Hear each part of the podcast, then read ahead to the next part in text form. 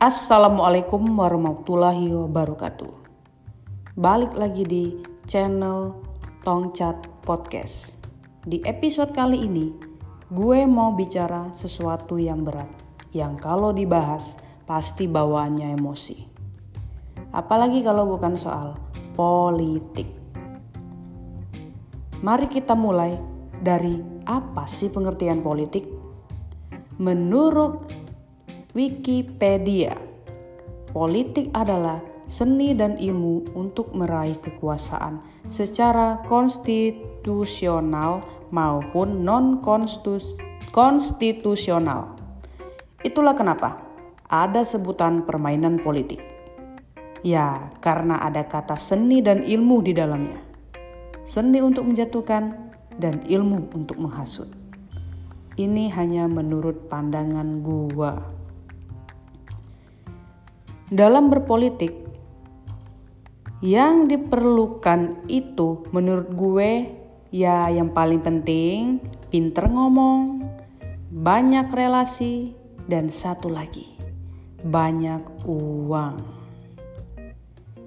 Yang banyak uang, yang berkuasa itu benar adanya. Gak bisa diganggu gugat. Itu adalah hukum mutlak. Menurut gue, lagi-lagi menurut gue ya, sebaik-baiknya orang kalau udah berpolitik pasti sisi jahatnya lebih cepat keluar. Kenapa? Coba kita lihat dari hal simpel saat mereka kampanye. Sisi jahat apa yang mereka keluarkan? Ya janji-janji mereka, janji inilah, janji itulah. Eh, pas giliran udah kepilih, pura-pura lupa. Jahan gak tuh? Politik itu menular loh di dalam sebuah keluarga. Kalau ada satu anggota keluarga yang berpolitik dan dia berhasil, bisa dipastikan anggota keluarga lainnya akan ikut-ikutan berpolitik. Entah itu istrinya, anaknya, menantunya, cucunya, keponakannya, tantenya, omnya, bule, pak D-nya, atau bahkan tetangganya.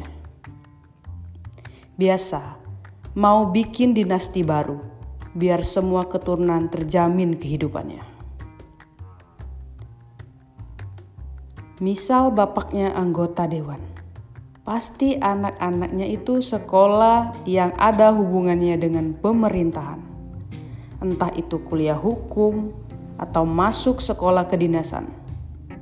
Maklum, mumpung ada jabatan kan, jadi bisa lewat jalur belakang. Terus kalau udah selesai, bisa langsung deh terjun ke lapangan. Mungkin orang kayak gini berpegang teguh pada pepatah yang mengatakan, buah jatuh tidak jauh dari pohonnya. Entah itu pohonnya jelek ataupun buruk. Selain menular, politik itu juga bikin candu. Gimana enggak? Udah jadi anggota legislatif, maju nyalon jadi bupati. Ada pemilihan lagi, nyalon lagi jadi gubernur. Eh, masa jabatan belum habis, udah ikut lagi nyalon presiden. Gue yakin ya, kalau ada presiden antar planet, pasti itu orang ikut juga.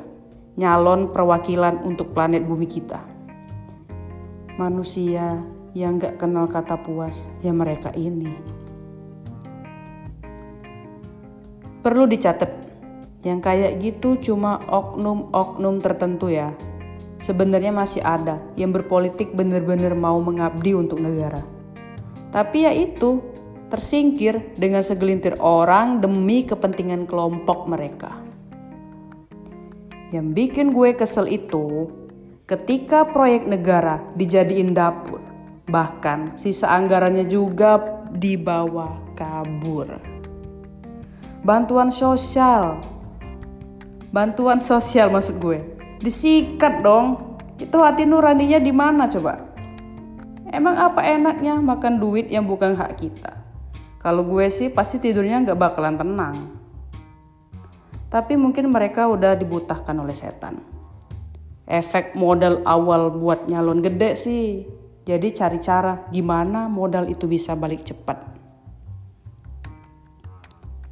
Menurut gue lagi nih ya, selama hukuman para koruptem, koruptor maksud gue, belum hukuman mati, korupsi akan terus menjamur di berbagai instansi.